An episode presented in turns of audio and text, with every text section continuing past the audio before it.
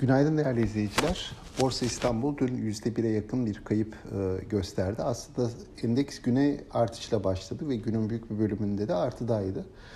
E, son e, dönemeçte gelen satışlar günü ekside kapatmasına neden oldu. Baktığımız zaman özellikle endeks üzerinde ağırlığı olan rafineri, demir çelik, gibi hisselerde, sektörlerdeki satışların e, belirgin olarak endeksi aşağıya çektiğini söylemek mümkün. Tabii parakende ticaret sektöründeki hisselerde de satışlar vardı. Bu da endeksin aşağı yönlü hareketine neden oldu. Buna karşılık dünkü e, işlemlerde banka hisselerinin, sigorta hisselerinin ve havacılık hisselerinin nispeten olumlu ayrıştığını, günü artı değerlerde kapattığını da görmüş olduk.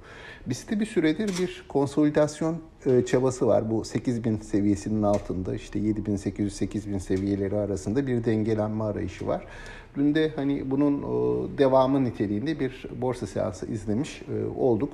Yurt dışı tarafa baktığımız zaman dün günün önemli haberi bu Fed'den gelecek e, kararlardı. Karar beklendiği gibi geldi ancak daha sonraki açıklama metinlerinde ve yapılan açıklamalarda piyasa bir miktar faiz ortamının e, daha önce öngördüğünden daha uzun süre devam edebileceği izlemine edindi ve bunun da piyasalara hisse senedi tarafında bir miktar satış yönünde etkisi oldu.